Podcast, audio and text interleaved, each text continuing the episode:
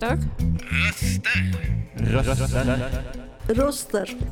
Dagens programledare är Ola och Olof.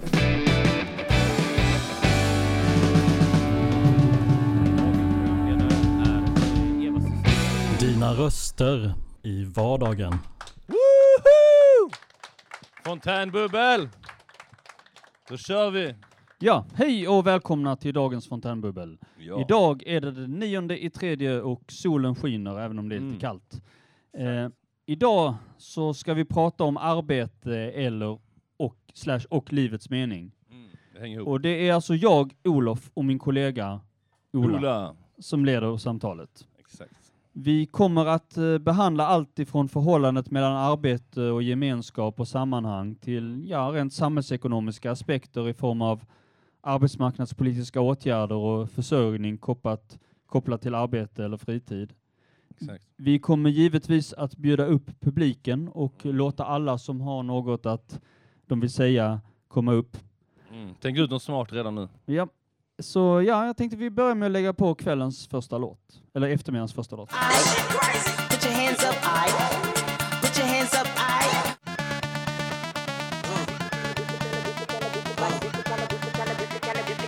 Kind of beat that go rat-ta-ta, rat-ta-ta, ta-ta-ta-ta-ta. This the kind of beat that go.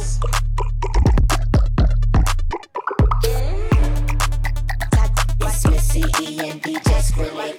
Yeah, this shit so hot you with it. Okej, mycket bra. Vilken låt var det? Jo, det var Ratatata med Missy Elliott. Ja. Och som sagt, eh, eh, dagens eftermiddagens podd är ju frågan om arbete och eh, sysselsättning och då eh, och, det, och det första som jag kommer tänka på då, det är ju sammanhanget. Eh, så att säga, alltså vilken, vilken typ vilken typ av man ändå, man ändå får, eh, man, man, man blir ändå en del eh, av, av ett större sammanhang när man har, när man, när man har arbete. Mm. Du tycker det är ganska jobbigt, eller viktigt med sammanhang kan man säga i vardagen eller? Ja, Ja. Eh, och, eh, men, det, men det är väl olika, men jag tror att generellt många, många har det. De tänker väl inte bara, det är väl inte bara pengar man tänker när det gäller... Nej, alltså precis. Ofta är det när man arbetar, man blir ju, ja, det, vi är sociala varelser, så man Jo, träffar ju precis. andra människor och man eh, får utbyta idéer och tankar och ofta är det det som håller kvar folk vid ett jobb. Det är väl eh, det här att man har trevliga arbetskollegor och så.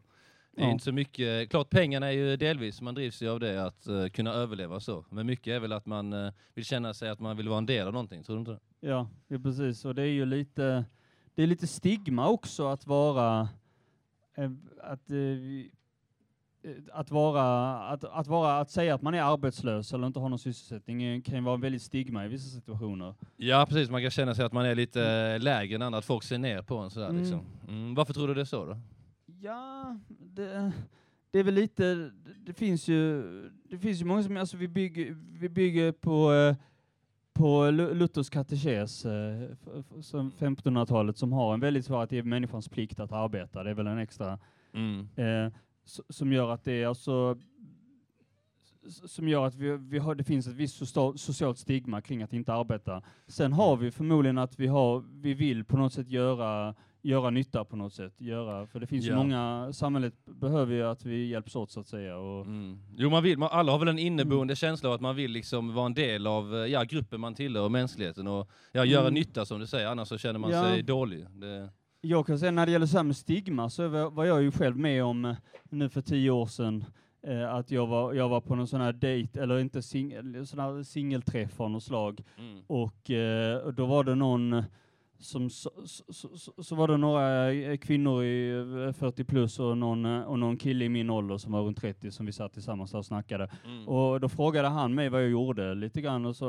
och så hade jag inget bättre, just, just nu är jag arbetslös. Jag, höll, Aj, hade aj, just, aj. jag hade just slutfört en utbildning så det var inte det, det re- direkt det bästa att jag hade tagit 30 poäng i statsvetenskap precis, så jag hade ju, det var ju bra så men Ja. M- Men, men då fick jag så här höra så tips, ja men snälla, det här kan du väl inte säga? Du kan väl inte säga att du är arbetslös? Alltså det, Nej. Nej men det var nog, alltså jag förstår vad du menar, det, är- för, Mm. och särskilt om man är på en sån här dating situation så frågar ju folk vad jobbar du med och sen är det ofta så här med, eh, alltså kvinnor vill ju gärna eh, kanske dejta en man som har något eh, bra yrke eller statusyrke sådär, som du säger att du är arbetslös så så stiger man inte i graderna eller Det handlar hierarkin. väl så inte bara om att vad man vill ha för utan det hade, handlar väl om lite grann om förväntningarna, att man blir liksom lite, att, att man kanske själv känner sig lite att, att andra inte riktigt vet uh, hur, hur, hur man ska hålla, så det finns vissa barriärer kanske, men jag vet inte om det nödvändigtvis är, eh, eftersom vi ändå är rätt så försörjande, ändå rätt så jämställt i Sverige det här att man inte, man inte har inte det här tänket att kvinnan ska försörja mannen. Ja, för jag tror ändå det ligger lite biologiskt, det med. ligger lite biologiskt, i alltså undermedvetet, även om man inte tänker på det. Det är så att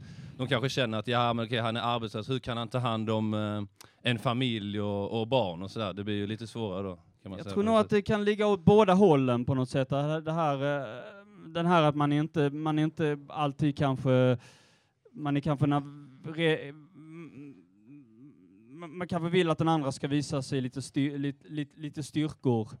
Eh, Tror jag, det, det kan ju vara så, men det var inte det vi skulle prata om. eh, Nej, nej. Men eh, då, då tänker jag på den här frågan också med sysselsättning i, i framtiden och sådär man pratar om idag så pratar man ju om eh, förkortad, i vissa sammanhang pratar man om att vi behöver förkortad arbetstid för snart så kommer vi ändå automatiseras. Mm.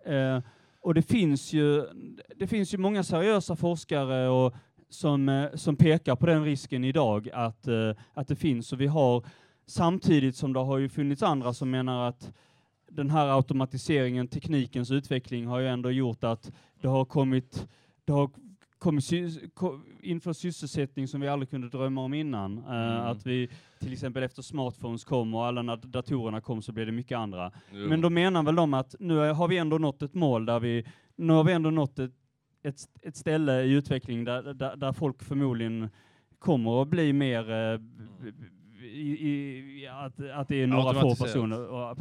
Och- Men där, där kan jag säga, innan vi lägger på nästa låt, så kan jag säga där att där har ju till exempel långtidsutredningen 2019, som gjorde en genomgång för några år sedan, de skulle kartlägga hur, hur det var med utvecklingen Ja. inom... eh, Men jag tror det här med automatisering har man väl sagt eh, länge, det sa Ja. man redan på 80-talet att de var Men, men där menade man i alla fall att det verkar ju inte som att det är någon större, en del under de senaste 30 åren så har ju en del arbeten rationaliserats bort, både de, bland de högst betalda och de lägst betalda, men däremellan så finns det ingenting som pekar på att de närmaste 10-20 åren att det kommer att råda någon form av arbetsbrist. Nej, jag tror mycket, alltså automatisering skapar ju bara nya jobb. Alltså det sa man ju redan kanske på 80-talet. Mm. Okej, då kommer datorerna, nu kommer Mm. ingen ha någonting Och att det, göra. det kan man göra, det, det vet vi inte Ja. idag hur det, hur, det blir, hur det blir nu. Nej, men datorerna Mm. gjorde ju att en massa människor började med programmering och bygga datorer och liknande. Och Ja, så kanske precis. blir samma med maskinerna då ju, att Ja. folk eh, börjar bygga robotar och ska hålla koll på dem ju. Så Mm. varje ny förändring skapar ju nya jobb också. Så jag Mm. tror det är ingenting vi behöver oroa oss för Ja, faktiskt. man kan ju hoppas på, eh, men, men, men jag tänker vi, vi lägger på eh, nästa låt nu så återkommer vi.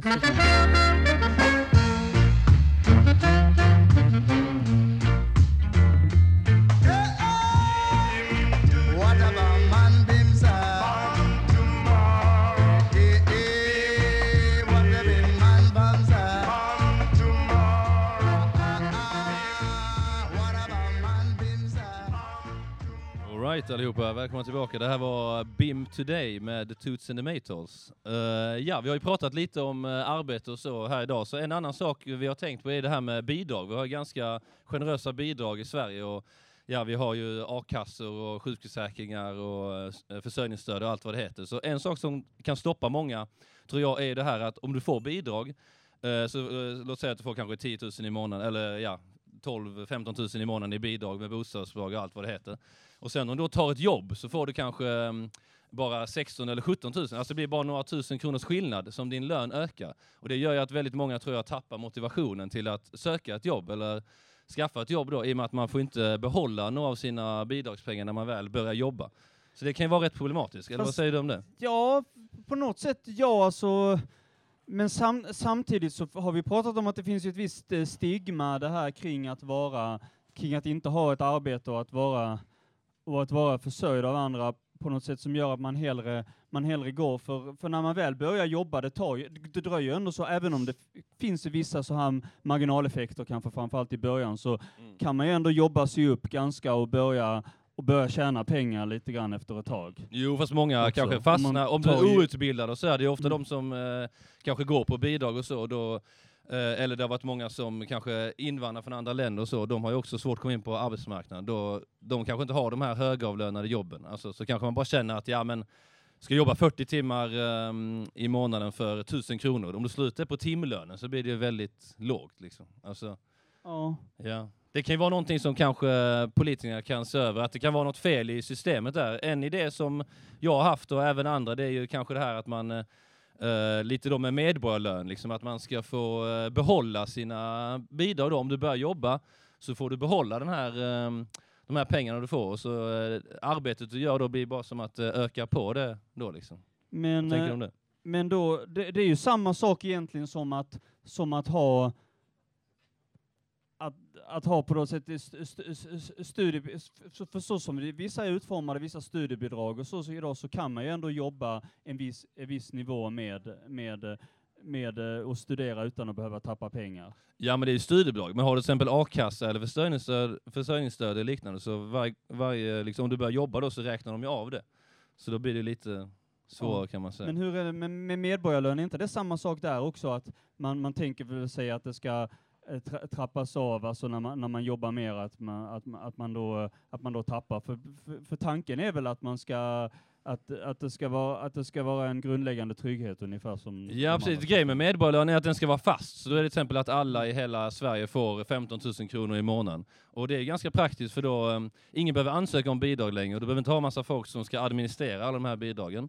Så får alla bara en grundlön, så, och så blir folk mindre oroliga också för de har ju hyran och maten och allt sånt säkrat. Och sen Men- om du vill arbeta så kan du göra det och då får du en högre lön. Jag kan förstå på något sätt med tanken, men, men samtidigt, är det, inte, är det inte någon som ska administrera den också? den? Jo, men det blir ganska enkelt. Det är bara liksom skriva in på någon data, alla ska Mm. ha den här summan och sen bara dsch, Mm. ut liksom. Det. Okej. det kan någon programmerare göra på en timme eller någonting. så det, ja, men det blir mindre administration, för du måste ju inte kolla och kontrollera och så i alla fall. Ju. Så det är Mm. ganska bra.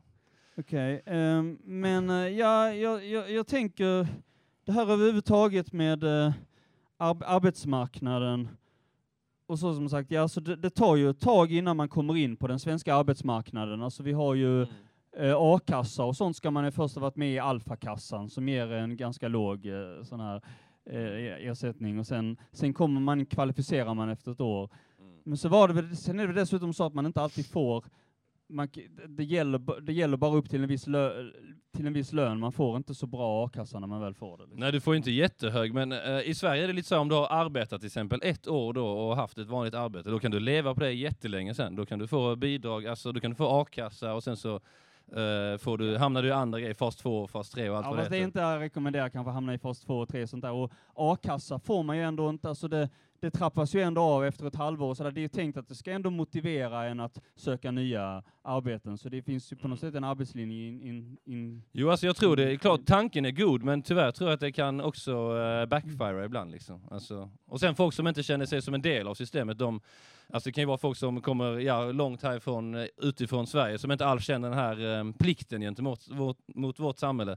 De kanske bara tänker, åh jag får gratis pengar av staten liksom, och då ska jag bara Men leva vadå, på tror, det. du att alla, tror du att alla har en speciell plikt här i Sverige också, eller vad menar du? Nej men jag tror att eh, traditionellt sett i Sverige så har man ju känt mycket det här att man ska arbeta och bidra till samhället. Eh, och att- men, men vadå, tror du att folk kommer, tror du att folk kommer och, och, och bara inte, och bara kommer hit eh, och ja, ah, det är nice, eh, jag, be, jag, behö, jag behöver inte arbeta, att man planerar om sin, att det, att det, att det är så jättevanligt? Alltså jag tror ändå en del tänker så, men jag tycker inte det är något fel med det. Det är ju rationellt tänkande. Men om du är till exempel i ett annat land och du är i krig och du ska fly någonstans, då tänker ju många, okej, eh, var, var har jag bäst liksom, situation? Och då vet man ju att i Sverige är en av de länder där vi har generösast bidragssystem. Det är därför så många vill komma hit ju. För de vet att, alltså, här blir med tanke på vad ändå det kostar att ta, sig, att ta sig vidare från andra så har jag lite svårt att Alltså det, det är mycket man får sätta i pant för att komma. Så visst, det finns säkert de bedrägerier som, som gör så. Alltså det finns ju kriminella ligor som sysslar med massa olika, men jag har svårt att, jag, jag vill inte göra en sån där etnisk eh, konflikt. nej alltså det, är- det är egentligen är det bara rationellt tänkande. Alltså man själv hade ju tänkt likadant om man var, eh, om man, eh, ja, kom utifrån så att säga. Men eh, ja, sen är det ju såklart, eh, ja, jag vet inte. Det, det, det blir automatiskt så. Man vill ha det så bra som möjligt för sig själv. Alltså det är ju en eh, trygghetsfråga ändå, tror jag. Eh, ja, vi, eh, vi eh, avbryter för en låt.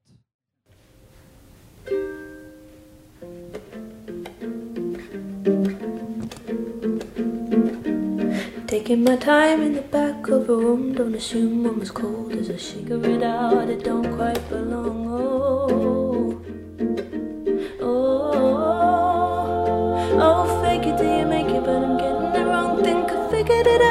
don't quite belong.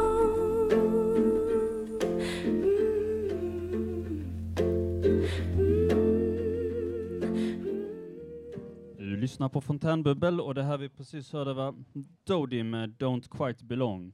Ja, vi pratade om arbete och liknande innan och, eh, eh, och hela arbetsmarknaden. Och, men, men en aspekt som vi har, alltså hur värderar, hur värderar vi arbete så att säga? Mm. Är, eh, tycker du här på Fontänhuset har vi ju arbetsinriktad verksamhet så att säga, arbetsinriktad eh, stä, eh, arbe, mötesplats så att säga. Och eh, hur är det, tycker du att vi arbetar, vi som kommer hit? Eller? Ja, jag tycker det. Vi gör ju ett arbete nu kan man säga. Vi Mm. eh, producerar en pjäs liksom. Och Fontänhuset är ganska intressant egentligen för att eh, alla är ju här frivilligt mer eller mindre. Eller ja, Mm. de flesta tror jag i alla fall. Och, eh, men ändå så, eh, ja kanske inte. ja, ja. Ja.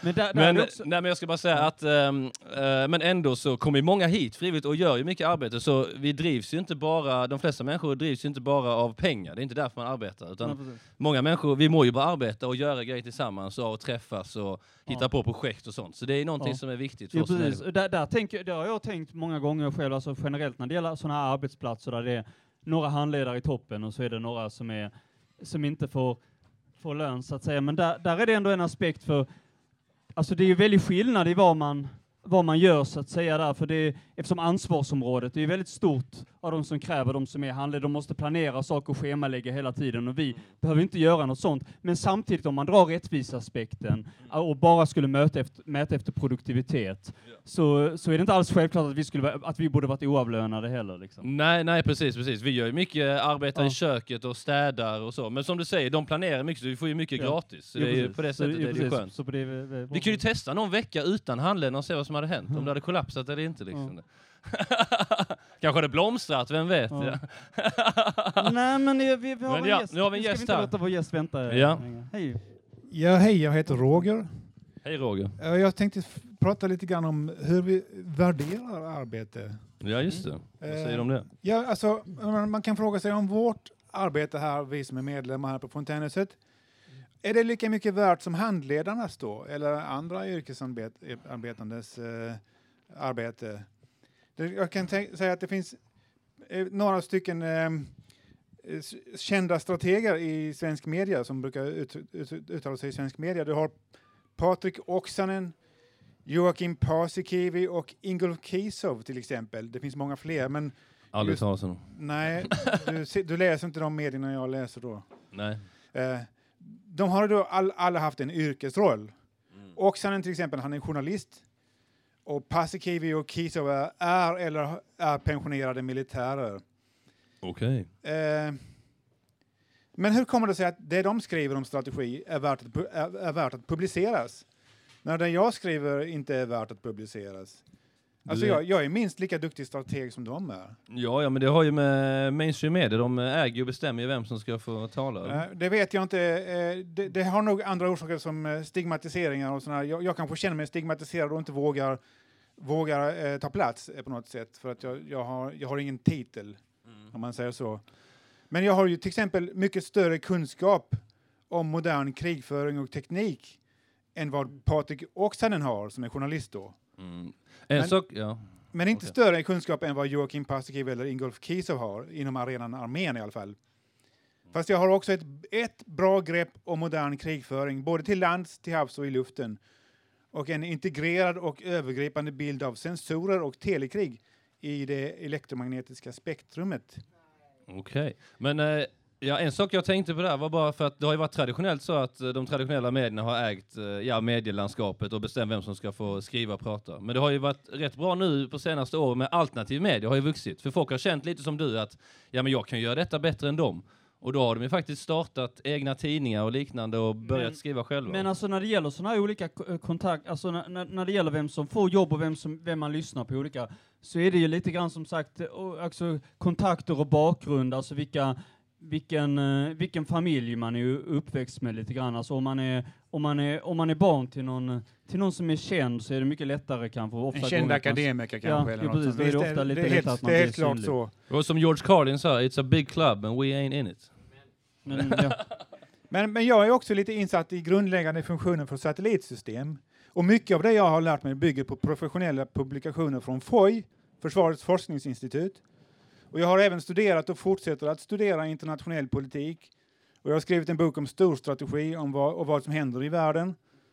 Mina övergripande kunskaper inom samtliga nämnda områden borde göra mig till expert nummer ett i Sverige inom ämnet strategi, tycker jag då. Ja, ja, men du får ju kontakta tidningen och se vad de säger, men annars kan du ju säkert, du kan ju publicera eget, du kan ju starta en blogg eller någonting liksom. Jag, eller... jag har lite grann gett upp på den fronten. eh, Alltså, eh, det, det, det är ingenting jag vill göra idag. Så det är mitt eget fel, det är väl lite stigma där, självstigmatisering. Ja, man ska inte ge upp. Jag menar med dagens Youtube och TikTok och allting, du kan ju, eh, tänk till exempel på, ja, Joe Rogan eller vem som helst som startar från ingenting, bara prata med folk i sin källare och sen har, har 30 miljoner... eh, Ja, men du, Fast jag- det är en viss uppförsbacke ändå, det är en viss hierarki som man ska ta, ta sig över och sånt. Det och är lite så va? Mm. Men är man en autodidakt Asperger-nörd, då anses ens kunskaper inte värda något. Va? De, bo- de, de borde lära sig något av Google, eh, de, här arbetsgivarna och så. För i Google i Silicon Valley, de dammsuger landet på Asperger-nördar att anställa. Och Google är ju ett framgångsrikt företag. Ja, men de är ju ganska korrupta. Alltså de vill ju övervaka och Ja, det, det, förslava det är hela säkert mänskligheten, ett, bra företag. Så uppenbarligen kan Asperger-nördar tillföra mycket till deras verksamhet. Eh, men jag, jag uppfatt- uppfattar att här på Fontänhuset så respekterar man mig och eh, mina autodidakta kunskaper på... Ja, ja, ja, vi är snälla här liksom. Nej, jag skojar. Inte, Nej, men du, du inte, du, men eh, Ja, de flesta. ja. Nej, men jag tycker du är väldigt smart och alltså, kunnig journalist. Du kan ju mycket. Jag är men, ingen journalist alls, jag har ingen utbildning inom journalist. Nej, men du skulle nog kunna vara, tror jag. Alltså, du gillar ju att gräva och forska i Men olika hur tror du att du ska kom, kunna kommunic- kommunicera det här, alltså om eh, ett, sätt att, ett sätt att komma ut eh, till... Eh, Jag till skulle att kunna va, eh, va, genomgå en validering. Eh, det, det är någonting man har inom eh, eh, akademiska kretsar. För då, då kan man utan att ha forskat officiellt inom ett område Mm. valideras, ens kunskaper kan valideras så att man får en, en, en titel eller vad man ska säga, Ja, precis. doktorstitel eh, för att man är, kan det området så bra. Att Jo, precis. Men Jag tror man måste släppa lite det här att man måste känna att man vill, måste bli validerad av samhället. För det, då kan man fastna i en fälla där att okej, jag måste till exempel gå på universitetet, få en titel där, eller jag måste prata med denna tidning, de ska validera det. Alltså, du kan validera dig själv, för att jag menar, alltså vi är redan validerade Jo visst, men det, men det är alltså. det här med stigmat, självstigmatisering. Jag, jag Ja. tänker, Mm. jag har ju försökt att, men jag har ju, jag har ju också varit en foliehatt, Ja, precis som du. just det. Ja. men eh, jag, jag har lämnat det bakom mig. Och, och, men sen, samtidigt så tror jag att det kan finnas en, en viss... Eh, det, det har left, lämnat efter mig en legacy eh, som eh, kanske inte är så positiv och folk kanske drar sig undan lite grann och eh, tänker att eh, han, han, är, han är lite skruvad i huvudet, liksom. han är foliehatt. Och, Mm. och då, då blir det lite svårare kanske, så det kan ju också ha med det att göra, att jag, att jag har lite svårt för att komma in i Jo, jo. Men, men det är bra att vara lite skruvad och annorlunda, alltså för man, man tror kanske att man är galen, men egentligen så är man normal. Alltså det, jag tror liksom att samhället är ju rätt tokigt. Antingen är man galen eller så är man normal. Eh, Alltså, vem är normal för det första? Ingen här är normal, för har, om man var normal så vore man onormal. Ja, för det, samhället är är inte normal. normalt heller. Det är ju knäppt på många sätt. Så Ja, men vi som vi- är här vi- kanske egentligen är normala, så kan det vara ju. Men det är ju så att människor har ju eh, olika... eh, Alltså, vi är felbara? Vi, vi är inte perfekta. Mm. Och det är väl det som gör att, eh, att det, det framstår som att det, det, det är ett eh, hege, hegemoniskt eh, intressesfär som bestämmer och så. Mm. Men jag tror inte att det, det är folk som är medvetet eh, är onda för att de vill vara onda, utan det är, det är bara så människor fungerar. Va? Och det, det är så Mm. man måste inse om man inte ska vara en foliehatt. Ja, men alltså det finns ju onda människor eh, i världen som eh, ja, vill ha mycket det makt. finns och- överallt, men det finns även bland de som är maktlösa onda människor. Och så. Ja. Det finns må- ja, vad tar arbetet vägen? Ja, jag, jag tycker vi först att vi lägger på eh, eh, eftermiddags nästa låt. Så återkommer vi sen. Uh, uh, yeah. Let me get loose. Let me get loose on 'em, yeah, yeah, yeah. I'm punching the clock. And so it seems we act a bit like children. We play the games and call a few names. Sometimes I wonder who's to blame for it all. Well, lyssnar på Fontänbubbel och det här vi Mm. precis hörde, ja det, det var Louis, Louis Logic med Postal. Exakt. Eh, ja, vi har ju pratat om Ja, eh, arbete Vi har pratat om mycket, alltså en del, vi har ju kommit in på en del av det här med bidrag i sam, sammanhang och stigman kanske kring att inte arbeta, men Mm. eh, också olika, liksom när det gäller arbetsmarknaden och eh, transfereringar och, och sånt. Mm. Och också kanske prestation och värdering av arbetet, vad, vad, vad det är som gör att man ibland, vissa, vissa, ibland, ibland så sätts löner på något sätt och ibland lite, lite godtyckligt ibland. Det är inte alltid man sätter löner efter prestation så att säga. Nej. Eh, be- beroende på eh, alltså, olika, o- vilken, bransch man har i och vilken bransch man är i och så. Mm. Men vi lever ju lite i ett eh, prestationssamhälle också. Man liksom ska hela tiden prestera och ja, göra sitt bästa. Om du inte presterar så Men, har du eh, inget värde. Det är det mycket, många kan känna. Tror du Många det? känner nog så, men en, en, en sak också är att vi, vi idag, dagens arbetsmarknad är att vi, vi, vi stannar inte kvar på samma, samma jobb. Alltså de, de som är yngre stannar, byter ju ofta jobb så att säga. Ja precis, man uppmuntras ju faktiskt till att byta jobb vartannat eller vart tredje år för då får du Mm. högre lön. Uh, förr i tiden så var ju det någonting man såg ner på. Ja, det som kallas, det kallas eh, hoppjerkeri en gång i tiden. Exakt, exakt. Och då var det ju status att vara på ett jobb från att du var 20 till eh, 65. Mm. Då var det wow, han är en pålitlig, stadig människa. Nu tänker man, har du varit 20 år på eh, Fontänen till exempel? Åh, vilken dåre. Mhm. Eh, Ja.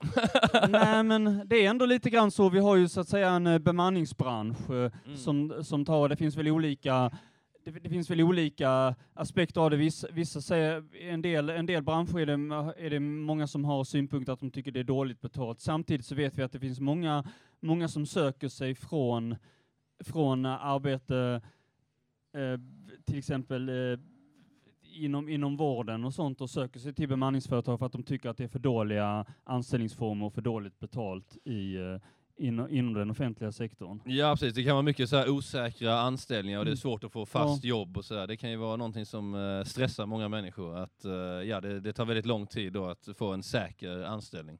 Ja. Det, det, kan, det, det är en sak med det svenska systemet, att det är, det är svårt att komma in i arbetsmarknaden Mm. eh, marknaden och få ett fast jobb. När du väl har det, då är du ganska säker och sitter bra. Men det gör att folk blir mindre flexibla också. De vill inte byta jobb och, och det är också svårare att få anställning. Alltså, Det kan vara så. Sen har vi också Sen har vi också att i Sverige har en liten ökänd med att vi, har haft gästarbetssystem, en period där vi, där vi tagit in, där folk har fått, där folk har kommit och nästan plockat bär eller liknande och få, fått, fått, fått, fått, väldigt låg, fått väldigt låg lön.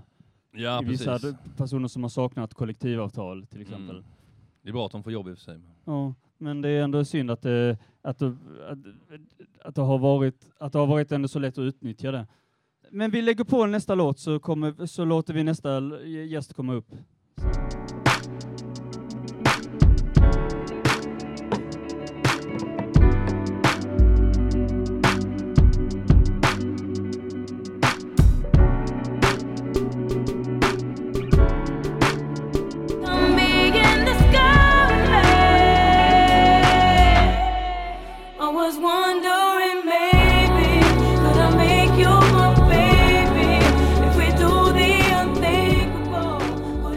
Alright, det här var Unthinkable med Alicia Keys. Nu kommer vår nästa gäst, Tony. Välkommen! Välkommen. Tack så mycket.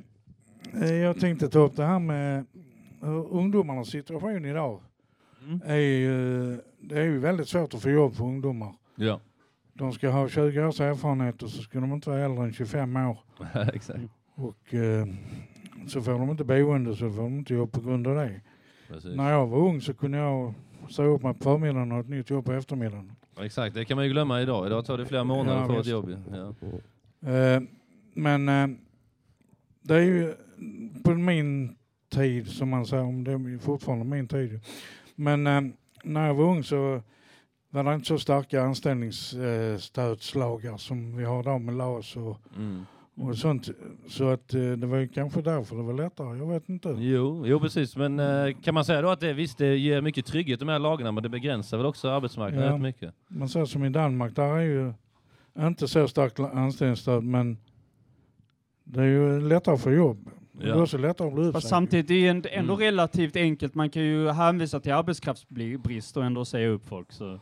Ja, ja visst. Alltså det, det, det- går ju och kringgår ju. Det kan ju arbetsgivaren alltid hitta på. Men eh, det, det är ju svårt ändå ju. Jag hade nog föredragit system där det var enklare liksom, att få ett jobb. Du kan få ett jobb samma dag. Liksom, och sen så, och så. För att, att om du jobbar på en arbetsplats och de tycker om dig, så, eh, alltså så, det går bra och du får bra relation med chefen, så kommer man antagligen inte bara säga upp dig sådär heller. Så det är ju... Nej, nej. Jag kan, man kan göra som jag gjorde på en an- anställningsintervju. Att jag tog över hela situationen och sa att nej, vi gör så här att jag börjar på måndag så provar vi ett halvår. Mm. Ja, Och, precis. Och de bara sa, eh, jaha, ja, ja.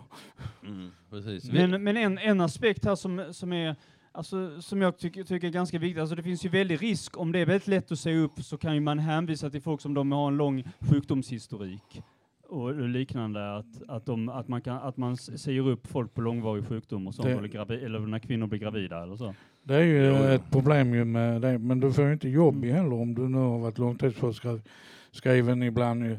Och eh, det är ju ett samhällsproblem som är jobbigt ju för att Mm. Men man kan förstå arbetsgivaren också. Man vill väl inte egentligen anställa någon som har varit långtidssjukskriven. Om det nu finns en massa andra som inte varit det, varför skulle de då ta en som... Förstår du vad jag menar? Alltså, Ja, men man missar kanske en jättefin resurs.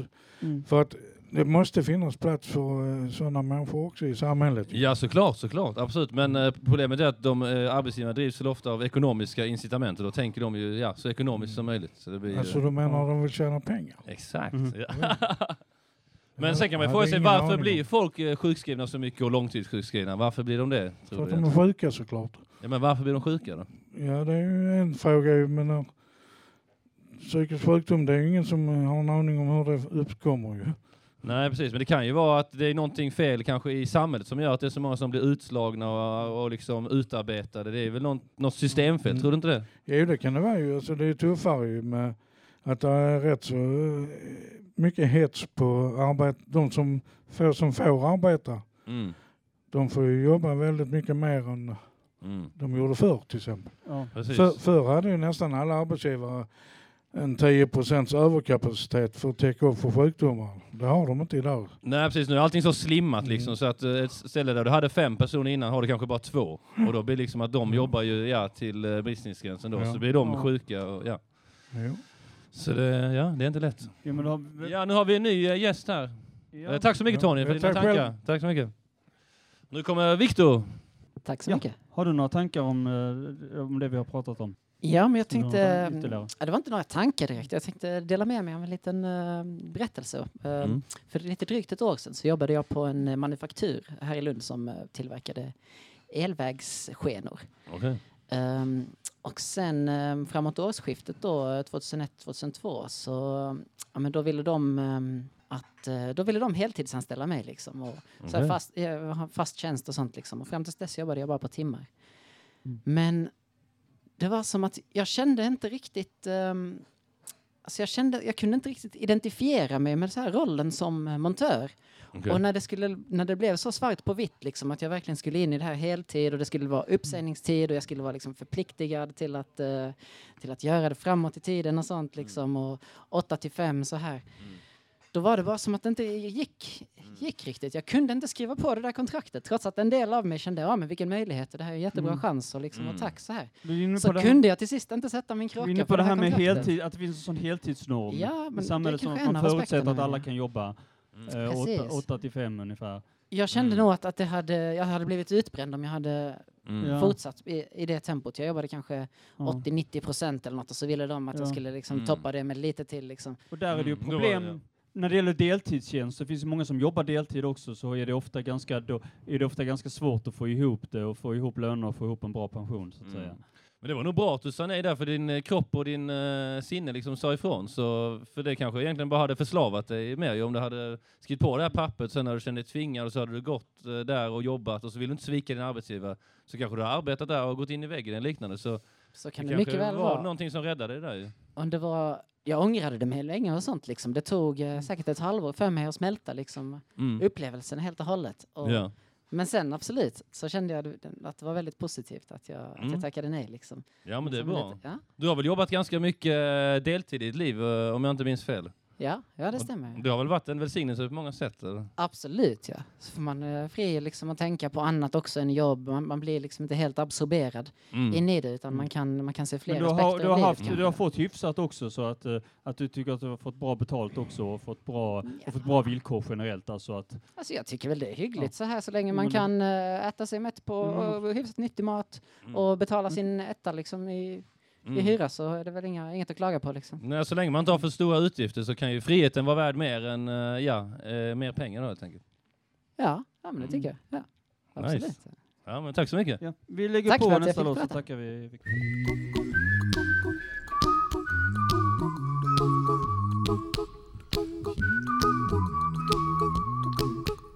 The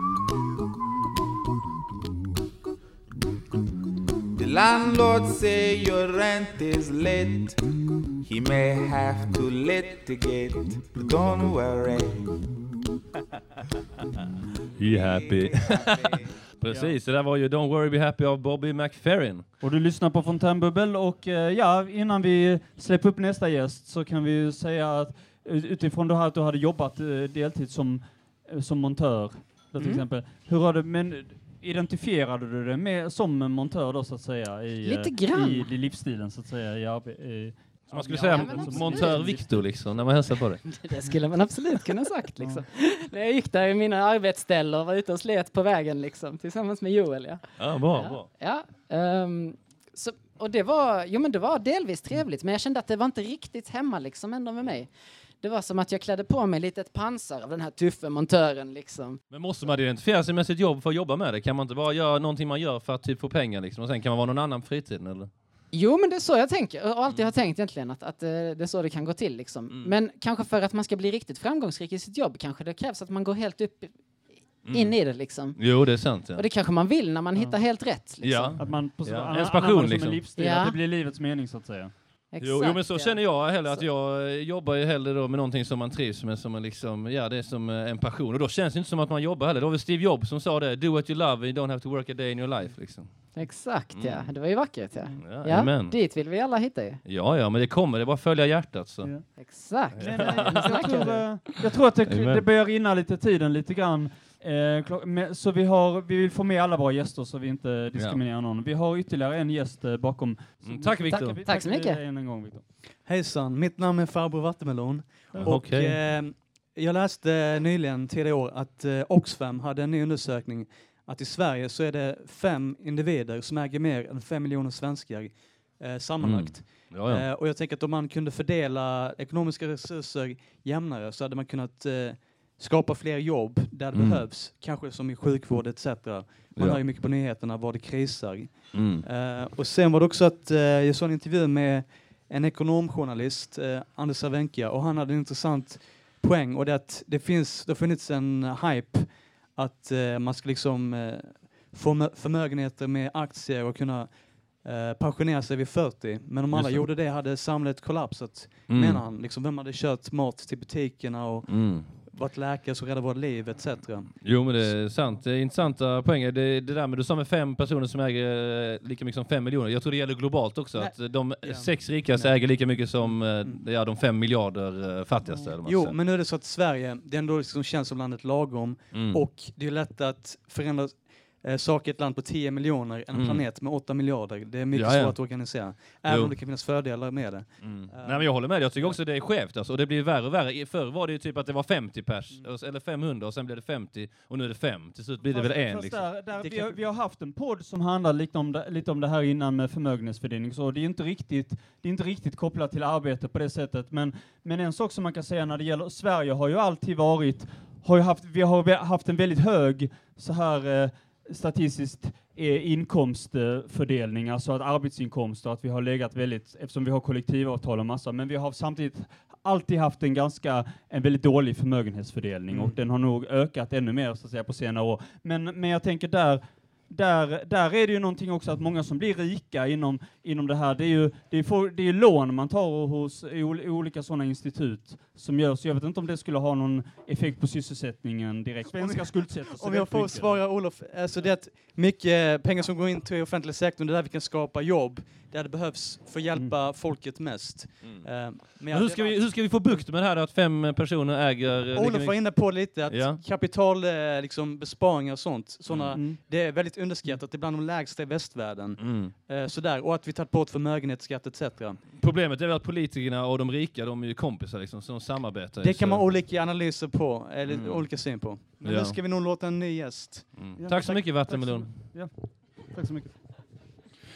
Eh, ja, okej, fördelning och så. Jo, då kommer jag, ja det, precis, det finns ju bidrag och så här. Och Mm. liksom när jag läste då hade man ett lån plus bidrag på 6 000 ungefär och eh, nu Mm. är det ungefär eh, 12 000. Så det verkar som att studenterna har det väldigt eh, bra och så, för det är ju väldigt. Mm. mycket Men så har du där och- inflation som varit antagligen väldigt mycket Ja, också men det senaste tiden. mest om man har huslån och så.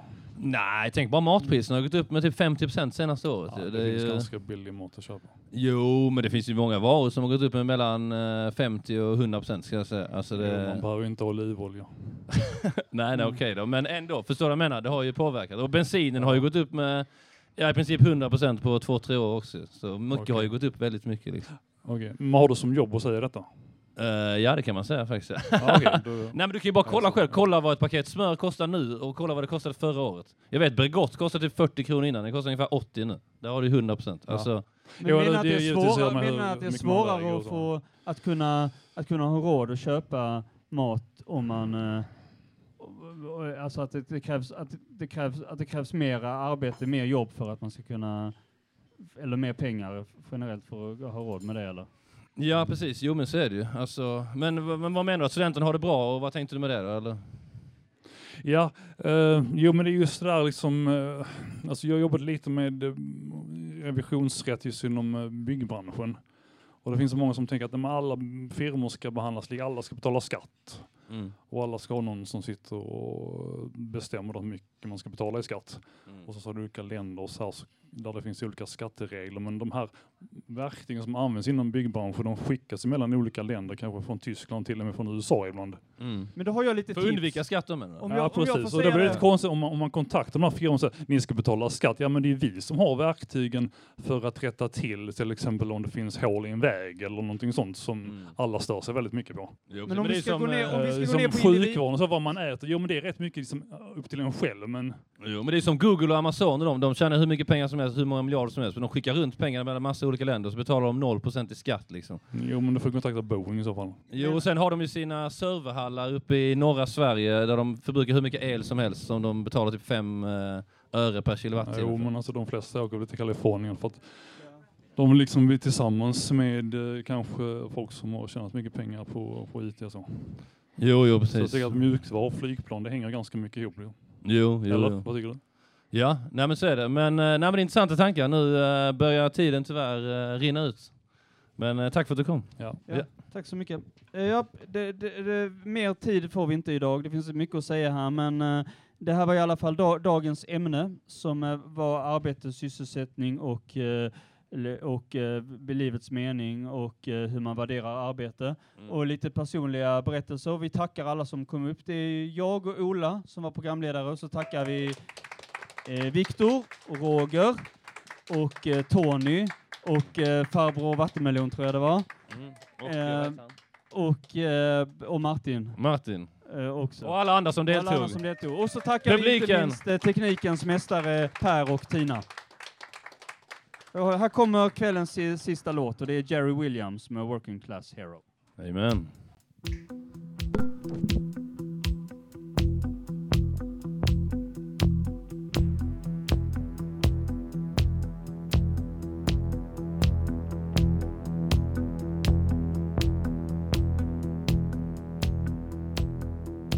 As soon as you're born, they make you feel small.